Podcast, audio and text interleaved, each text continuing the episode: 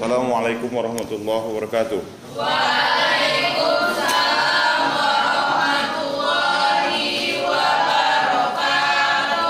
Alhamdulillah, puji dan syukur marilah senantiasa kita persembahkan kehadiran Allah Subhanahu wa taala, Allah Azza wa Jalla atas segala nikmat yang telah diberikan kepada kita semua terutama nikmat iman dan Islam, nikmat sehat dan sempat sehingga pada hari ini tanggal 26 Februari tahun 2020 Masehi bertepatan dengan tanggal 2 Rajab 1441 Hijriah.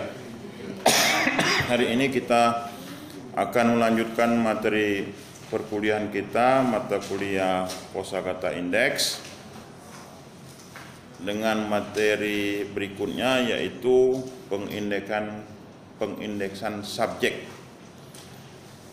Kemudian salawat dan salam marilah senantiasa kita sampaikan kepada junjungan besar kita Nabi Muhammad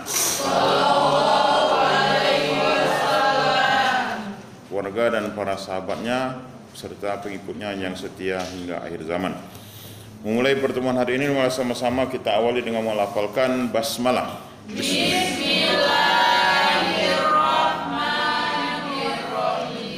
Sebagaimana telah disampaikan pada minggu yang lalu eh, tentang jenis-jenis indeks. Jenis-jenis indeks sudah kita pahami ada berapa kemarin? Ada lima. Ada Tolong Fira, apa-apa Fira, kira-kira Fira. Minggu kemarin tidak hadir ya.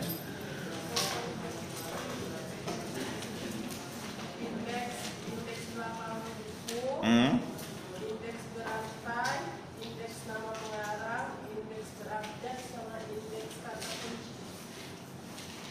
Ada? Ada lima. Ya. Berikut sudah kita sampaikan beberapa contoh-contoh tentang jenis-jenis indeks. Nah, hari ini kita akan lanjut dengan materi berikutnya yaitu pengindeksan subjek. Sebagaimana kita ketahui bahwasanya eh, pengindeksan subjek itu adalah kegiatan merupakan kegiatan rutin dalam rangka temu kembali informasi di perpustakaan. Pengindekan subjek ini kalau menurut definisi merupakan proses mengidentifikasi. Mengidentifikasi paham ya? Mengidentifikasi isi atau subjek atau topik. Topik. Jadi eh, bahasan yang lebih dominan di dalam sebuah buku. Ya. Kita akan melihat apa bahasan yang yang dominan yang lebih banyak di dalam sebuah buku tersebut. Memang ada buku-buku yang eh, subjeknya jelas, tapi ada juga yang subjeknya akan lebih dari satu subjek dalam sebuah buku. Nah itu tentunya kita akan menentukan subjeknya itu sesuai dengan bahasan yang dibahas di dalam sebuah dokumen atau buku. Misalnya kalau kita menentukan sebuah buku tentang ekonomi, kalau misalnya pengantar ekonomi, enaknya kan subjeknya ekonomi. Itu juga politik, hukum, pendidikan dan sebagainya. Itu namanya subjek. Ya. Nah, kegiatan pengindekan subjek ini kalau di di dalam kegiatan pengolahan namanya kegiatan kan itu di dalam pengatalogan itu ada pra pengatalogan, pengatalogan, ada pasca pengatalogan. Nah, kegiatan pengindeksan ini termasuk kegiatan apa? Ada yang tahu di mana maksudnya penulis ini apa penatalokan atau pra penatalokan atau pasca penatalokan? Pasca. Pasca itu setelah. Sedangkan ini pengindeks ini kita ingin me- mengidentifikasi isi subjek suatu dokumen. Ya. Pra.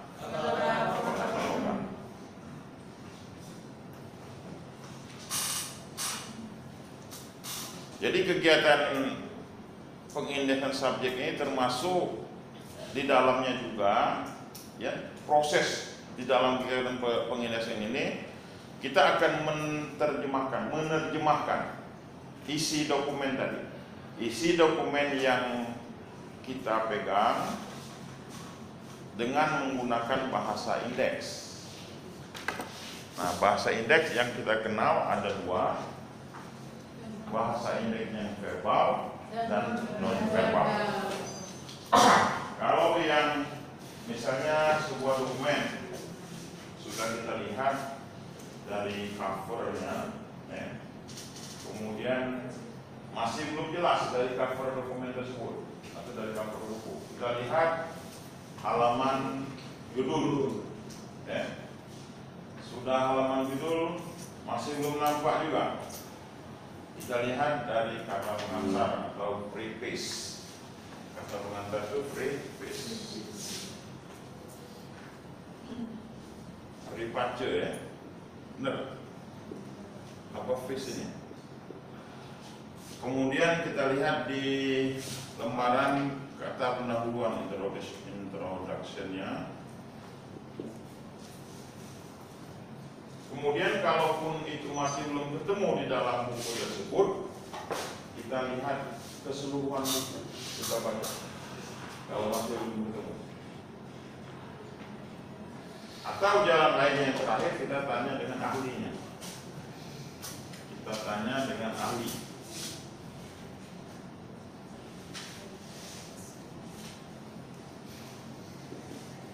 Misal ya, kalau kita ingin menentukan eh, tajuk bukunya buku bahasa Arab, tulisnya bahasa Arab. Sementara kita kadang-kadang eh, bahasa Arabnya masih ikro satu ya. yang masih susah, apalagi mau menentukan subjek. Nah, kalau bahasa Arab, kita cari pakar ahlinya. Kita tanya dengan di sini dengan ahli. Ya, boleh juga ini yang ahli bahasa Arab, ya. yang mengerti bahasa Arab itu, sehingga nanti tahu. Itu juga kalau yang bahasa Inggris, nah, bahasa Inggris juga kita tanya dengan pakar atau ahli dalam bahasa Inggris. Nah, baru kita bisa menentukan subjek atau topik yang dibahas dalam sebuah.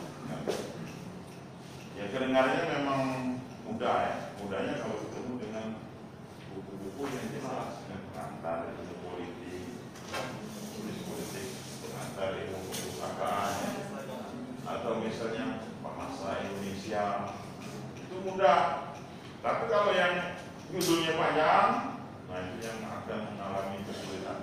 Nah tentunya kita akan menentukan eh, topik tersebut kalau dia kita menentukan topik itu dalam berbentuk kata atau kalimat, itu makanya kita gunakan bahasa indeks verbal. Bahasa indeks verbal ini maksudnya, misalnya tadi eh, buku itu kamusnya, kamus bahasa Arab, bahasa Indonesia. Nah kita tentukan subjeknya itu ya subjek ini ada terpola di dalam daftar tajuk subjek. Tentunya kalau bahasa Arab e, kamus tadi bahasa Arab misalnya bahasa Arab kamus terus bahasa Indonesia ya. Nah di mana ini kita temukan kalimat atau kata ini polanya ini di mana? Di daftar Ya, di TSP. Daftar tajuk subjek perpustakaan. Nah ini artinya menerjemahkan eh, menggunakan bahasa ini, menerjemahkan topik atau judul apa namanya top eh, tema dalam sebuah dokumen tadi ke dalam bahasa verbal. Ialah menggunakan daftar subjek. Nah, tapi ketika kita akan menerjemahkan topik tajuk ini ke dalam angka-angka atau simbol-simbol, artinya pakai nomor ya, pakai apa namanya eh, angka-angka, maka kita sebut dengan non verbal. Non verbal. Misalnya kelas bahasa berapa nih? 400. Ada nanti kalau seberapa persen taruhlah 400 102 misalnya kan. Nah ini ini yang dikatakan e, bahasa verbal tadi ya. Nah biasanya ini kan didapat di mana? Kode di divisi di, bagian klasifikasi divisi. Ya. Nah ini kegiatan menerjemahkan ini menggunakan bahasa verbal dan non verbal termasuk kegiatan pengindeksan ini. Sampai sini ada pertanyaan? Silakan.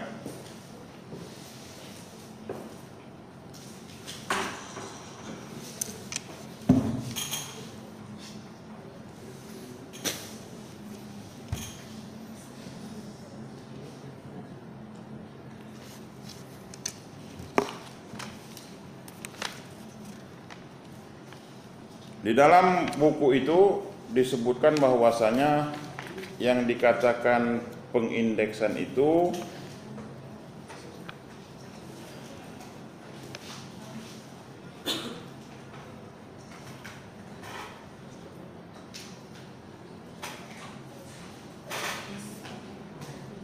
meliputi kegiatan pengatalogan deskriptif dan pengindeksan subjek. Nah, jadi pengatalogan deskriptif dan pengatalogan atau pengindeksan subjek. Nah, pengatalogan deskriptif yaitu kegiatan kita mengidentifikasi ciri-ciri fisik dokumen. Sebagaimana kita ketahui bahwasanya ciri-ciri fisik dokumen itu mulai kita ketahui dari judul, pengarang, ya, impresum, kemudian kolasi, catatan, dan lain-lain. Artinya ke delapan daerah dari eh, deskripsi bibliografi sebuah buku. Nah, kegiatan mengidentifikasi ciri-cirinya itu namanya pengatalogan deskriptif, deskriptif ya.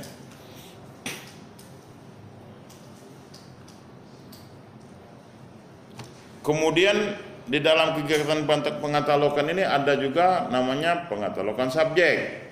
Kita menentukan subjek atau pokok bahasan dari sebuah topik, dari sebuah dokumen ya, dokumen.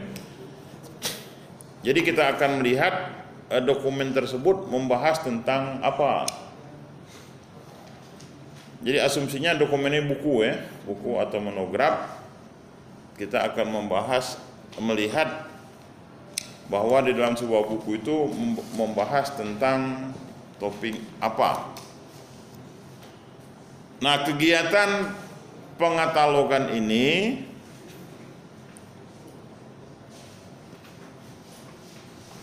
hasilnya adalah pengindeksan dari pengatalogan deskriptif dan pengatalogan subjek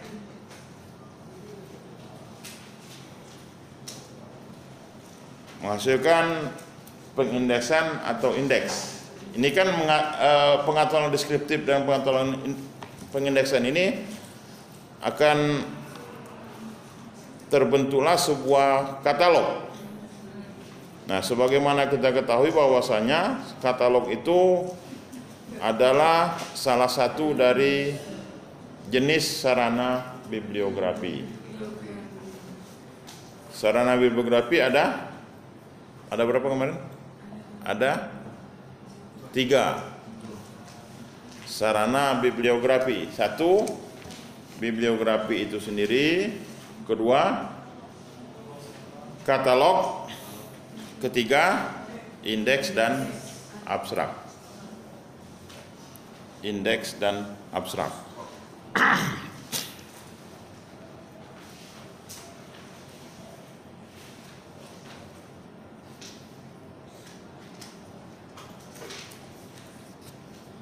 Jadi hasil dari pengindeksan ini menghasilkan indeks yaitu sarana yang menunjukkan pada penelusur indeks itu ya dalam gudang informasi secara potensial relevan atau cocok dengan permintaannya. Jadi membantu pemakai untuk mencari informasi yang dibutuhkan. Indeks di sini ya.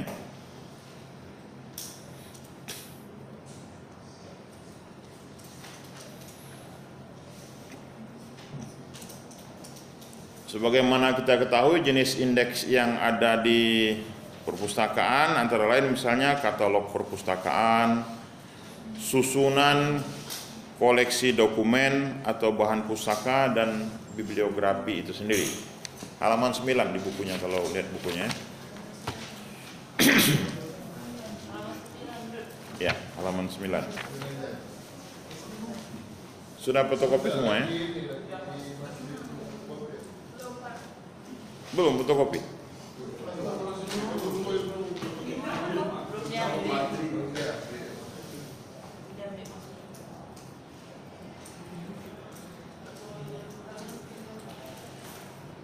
Kemudian pengindexan subjek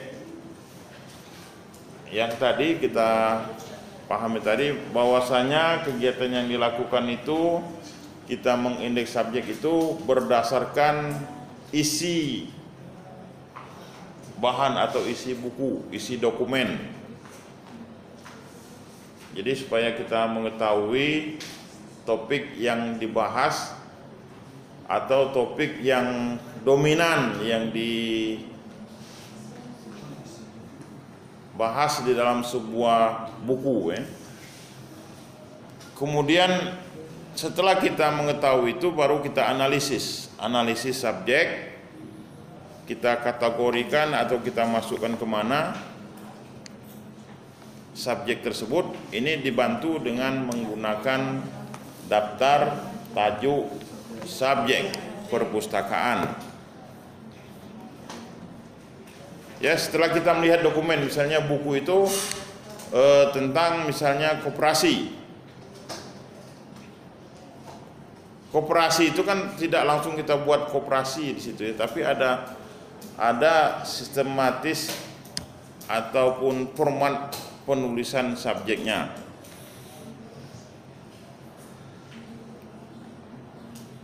Kemudian baru setelah kita analisis subjek, tentunya analisis subjek ini akan menghasilkan subjek, tajuk subjek. Nah setelah kegiatan menentukan tajuk subjek sudah ditentukan, baru kita menentukan notasi klasifikasi. Jadi subjek yang kita tentukan tadi masuk ke kelas mana atau di dalam eh, klasifikasi di, di situ masuk kelompok yang mana.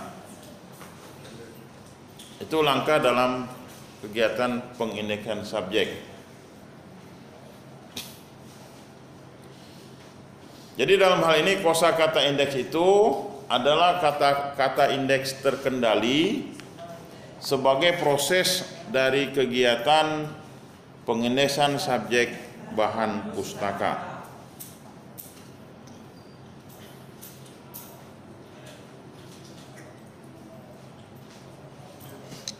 Kemudian berikutnya sampai sini belum kita lanjutkan bahasa indeks. Ada pertanyaan silakan. Kalau ada yang masih bingung tentang apa yang disampaikan tentang pengindex subjek,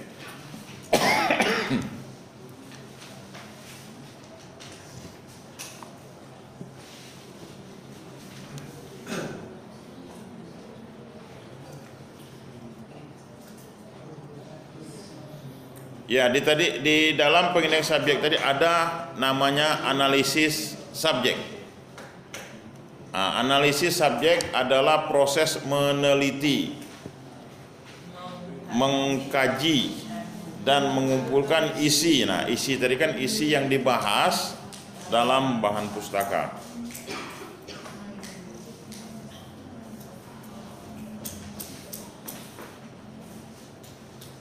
Jadi kita kita teliti isi yang ada di dalam bahan pustaka tersebut. Analisis subjek ini adalah merupakan bagian dari pengindeksan yang berkaitan dengan satu analisis konseptual pada informasi. Konseptual ini sesuai dengan katanya konseptual artinya kita melakukan proses menentukan konten utama. Jadi konten utama itu ya bahasa lainnya adalah topik ya. topik ataupun apa ya kalau dalam eh, tema topik atau tema dari sebuah informasi.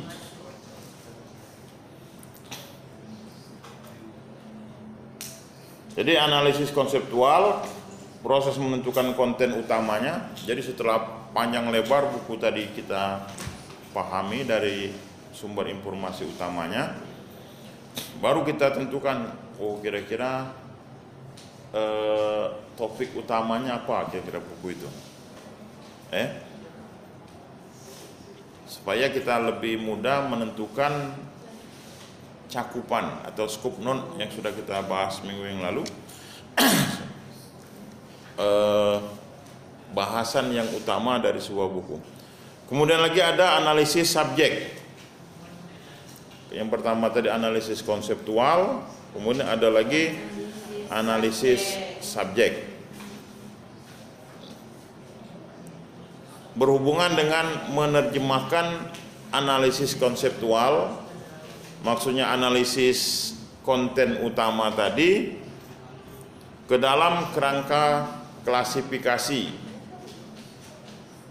atau tajuk subjek yang digunakan oleh pengkatalog, pengindeks ataupun pengklasifikasi. Jadi orang yang menentukan tadi itu bisa kita sebut sebagai pengkatalog atau pengindeks. Kalau pengkatalog itu kataloger. Kalau blok kan bloker kan. Ya, kalau indeks, indekser. Ya, indeks. Orang yang mengindeks itu indekser. Pengklasifikasi, klasif, klasif, klasi, fire ya, kelas ya, classifier. Jadi orang yang melakukan kegiatan pengkatalog, pengindeks dan pengklasifikasi. Saya ulang lagi bahwasanya kegiatan analisis subjek ini ada dua kegiatan. Yang pertama analisis konseptual.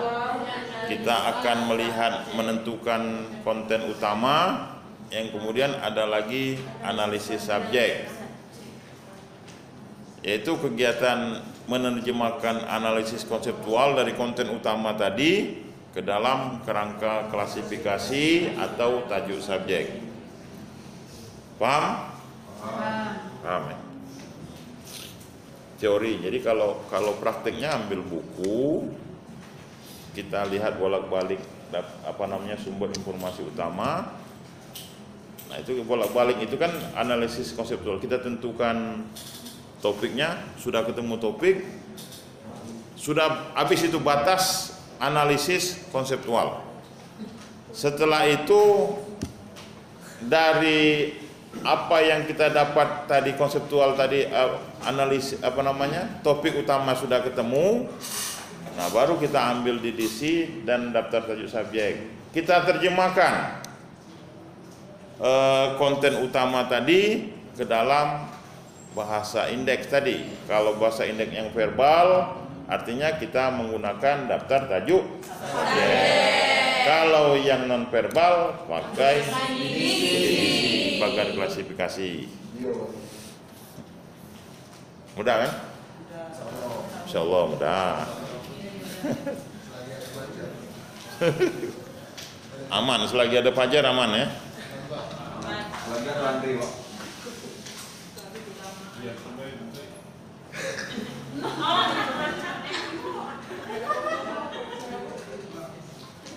Nah ini, jadi ada kegiatan sebelum analisis subjek tadi, namanya pra-analisis.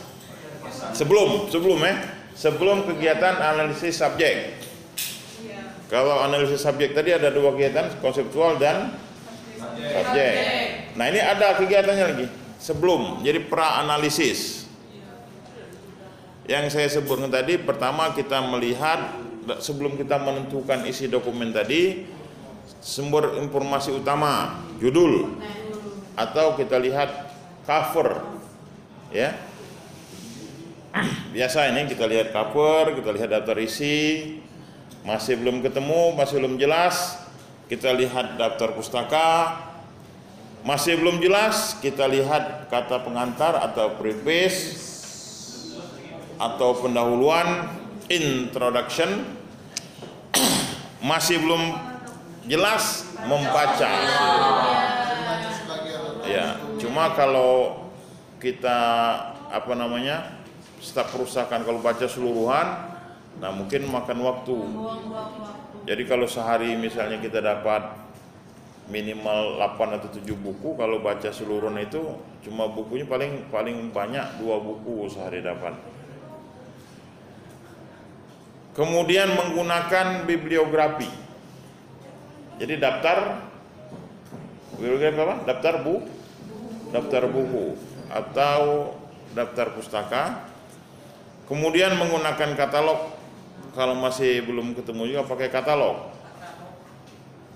Maksudnya katalog yang sudah ada kita lihat ada belum orang buat menentukan ya katalognya atau kalau di buku itu kan ada KDT katalog dalam terbitan kemudian kamus biografi. Nah biografi ini tentunya akan kita melihat spesifikasi pengarang misalnya. Pengarang ini cenderung ke ahliannya di mana? Ensiklopedia atau tinjauan buku atau book review ya. Nah yang langkah terakhir tadi menanyakan ahlinya. Ini proses pra pengatalogan atau pra analisis. Jadi pra analisis kalau analisis subjek tadi sudah masuk kegiatan pengatalogan. Kemudian yang pasca pengatalogan output. Jadi hasil dari tadi misalnya sudah terbentuk katalog. Itu namanya pasca pengatalogan.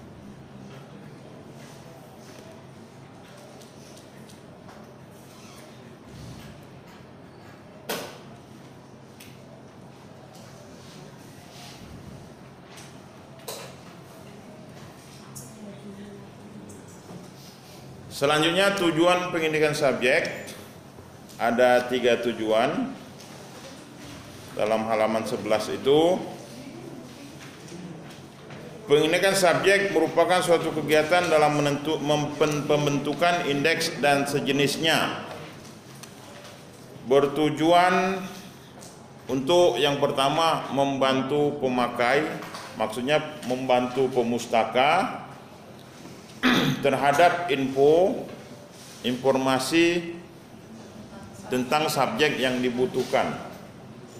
Jadi sangat membantu hasil kegiatan pengindeksan ini ya, hasilnya maksudnya yang sudah pasca pengatalogan itu akan membantu pemustaka dalam menentukan atau membut, e, memerlukan informasi yang informasi subjek ya informasi subjek yang dibutuhkan. Yang kedua, membantu pustakawan atau staf perpustakaan dalam mengelompokkan. Nah, kaitannya dengan klasifikasi tadi. Mengelompokkan koleksi berdasarkan subjeknya. Jadi kalau sudah hasil dari pengendalian subjek itu akan terbentuk. Wah ini nomor klasifikasi ini nanti bisa dikumpulkan. Artinya koleksi-koleksi yang subjeknya sama akan terkumpul. Kalau di dalam rak itu ya, di dalam rak koleksi, kalau subjeknya sama akan terkumpul dalam susu, dalam satu susunan, susunan koleksi. Tapi kalau subjeknya berbeda akan berjauhan. Makanya di sini kegiatan pengindikan subjek ini akan sangat membantu pustakawan dalam mengelompokkan koleksi berdasarkan subjeknya. Jadi yang pertama tadi membantu dalam pemustaka ya untuk mencari buku, mencari informasi. Yang kedua pustakawan untuk mengelompokkan koleksi sesuai dengan subjeknya. Yang ketiga membantu pustakawan dalam pembentukan indeks dan sejenisnya. Nah, sebagai output dari kegiatan pasca pengatalogan ini. Artinya di dalam hasil kegiatan pengindeksan ini bisa menghasilkan katalog, menghasilkan bibliografi, ya, atau menghasilkan indeks itu sendiri. Nah itu tujuan dari pengindeksan. Jadi ada tiga, satu membantu pemustaka, kedua membantu pustakawan dalam mengelompokkan, ketiga membantu pustakawan membentuk indeks dan sejenisnya. Sampai di sini ada pertanyaan silakan. Kalau ada yang ingin ditanyakan.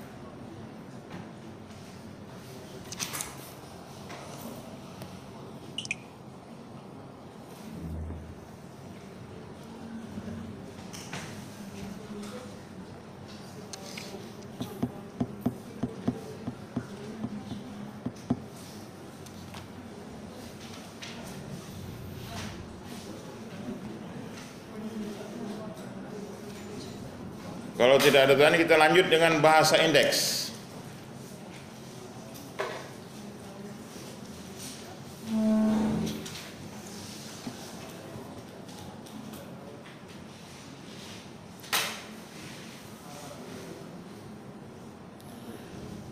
Nah, bahasa indeks ini sebagaimana kita ketahui bahwasanya kegiatan penelusuran koleksi atau proses penelusuran informasi di perpustakaan tadi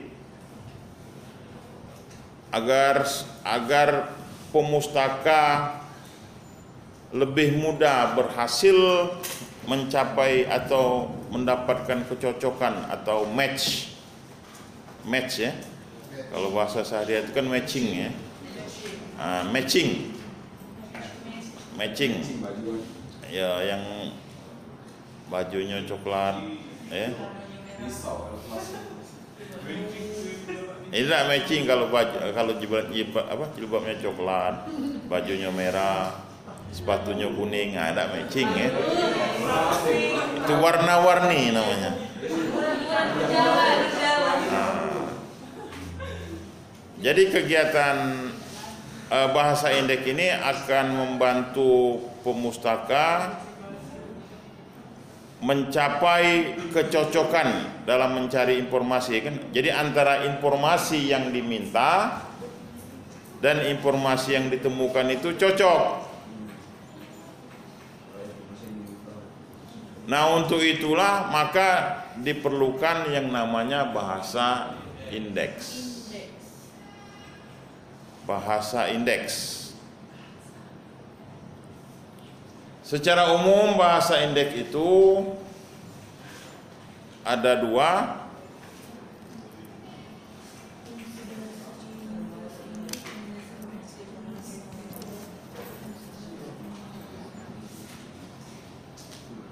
Bahasa buatan eh, pengertian bahasa indeks adalah bahasa buatan atau artifisial karena ia tidak timbul dan tumbuh dengan spontan seperti bahasa alamiah atau natural language. Bahasa Indonesia bahasa alamiah itu kan yang biasa kita gunakan sehari-hari. Yang gunakan bahasa Indonesia, bahasa Inggris, bahasa Jepang, bahasa Korea, bahasa Cina, bahasa Wuhan. Nah, iya. Corona. Jadi bahasa alamiah atau natural language itu bahasa yang sehari-hari digunakan. Ya. Ada satu daerah misalnya menyebut apa namanya hewan misalnya sapi, sapi ya. Ada yang lembu, ada yang jawi, ada yang sepi, sepi ya. Ya. Kemudian ada lagi misalnya menyebut kambing. Ada yang ya wedus. Wedus. Ada yang domba. Ada yang apa namanya? Biri-biri. Ya banyak macam-macam. Jadi bahasa yang kita bahasa yang kita gunakan sehari-hari atau bahasa natural language.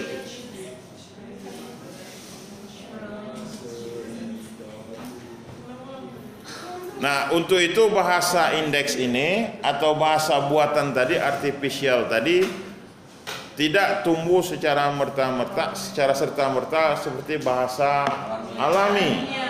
Jadi kalau kita nyebut sapi ya sapi, kita nyebut misalnya apa namanya bebek, bebek ya. Nah, tapi bahasa buatan ini inilah bahasa yang ada di dalam tajuk subjek.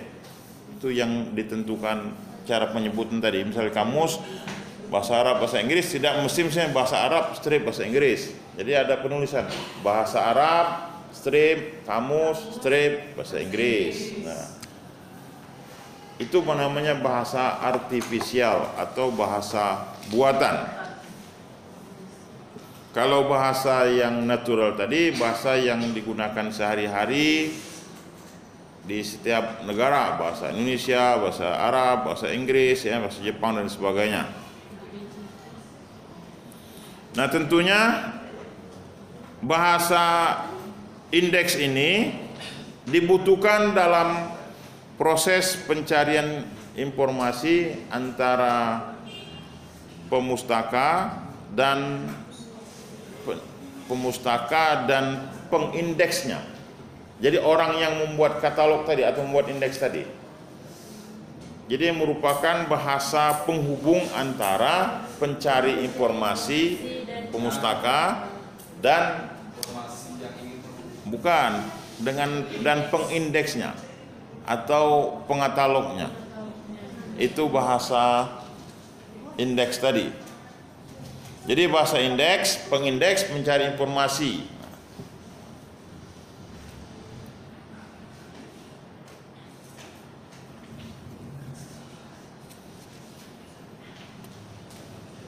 Kemudian fungsi bahasa indeks ada 1, 2, 3, 4, 5 Enam.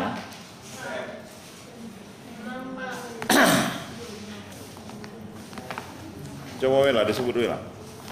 Fungsi bahasa indeks. Fungsi bahasa indeks antara lain A. Memungkinkan pengindeksan pengindeks menyatakan subjek secara konsisten Artinya konsep yang sama di mana dan bila mana saja muncul akan diwakili istilah atau kode yang sama B. Memungkinkan perluasan atau penyempitan ruang lingkup penelusuran dengan hubungan-hubungan semantik antara Semantik. semantik antara istilah atau kode bahasa indeks tersebut. C. Berdasarkan ciri-cirinya maka fungsi bahasa indeks adalah sebagai berikut. D. Nah, itu bukan poinnya itu ya. Bukan itu. Jadi ada dua tadi fungsi bahasa indeks. Oke, terus lanjut ya. D. Bahasa indeks juga sebagai bahasa khusus, special language. Sebab